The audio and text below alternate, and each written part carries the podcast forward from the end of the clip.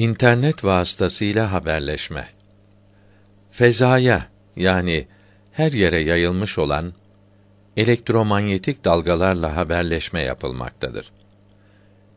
Bilgisayarda okunan kitaplardan hasıl olan resimlerin ve seslerin havadaki dalgaları bilgisayarda bulunan modem cihazı vasıtasıyla mıknatıs dalgaları haline çevrilip ara merkeze ve oradan yayılan kendine mahsus uzunluktaki elektromanyetik dalgalarla birlikte fezaya gönderiliyor.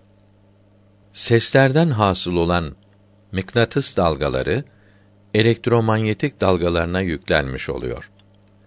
İnternet adında bir merkez ve alet yoktur.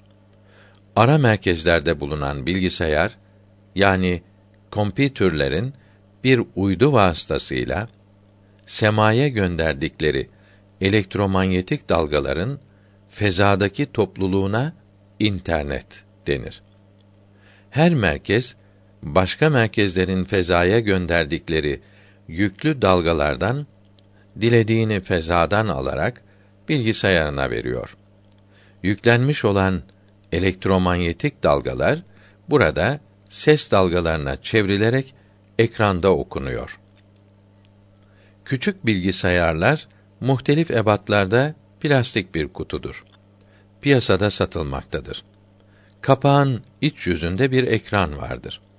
Burada ara merkezden gelen yüklü dalgalardan modem cihazında elde edilen yazılar ve kitaptan okunan ara merkeze gönderilecek yazılar ve bilgisayarın daktilo gibi kısmında yazılanlar okunur ve hasıl olan sesler dinlenir.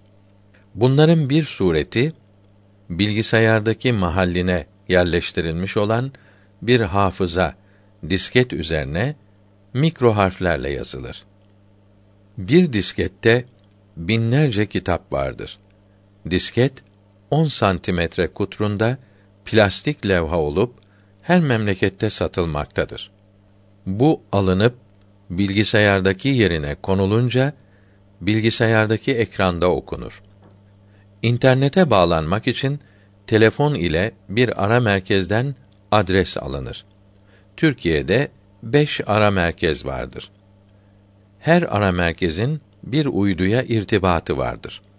Mesela İhlas Net ara merkezinin Hakikat Kitabevine verdiği adres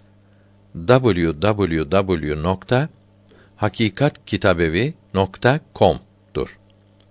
Herhangi bir bilgisayar bu adrese bağlanırsa kitabevinin bütün kitaplarından dilediğini bilgisayarın ekranında seçerek okur. İhlasnet Türkiye gazetesinin Yeşilköy'de Yeni Bosna'daki binasının üst katında bir odadadır.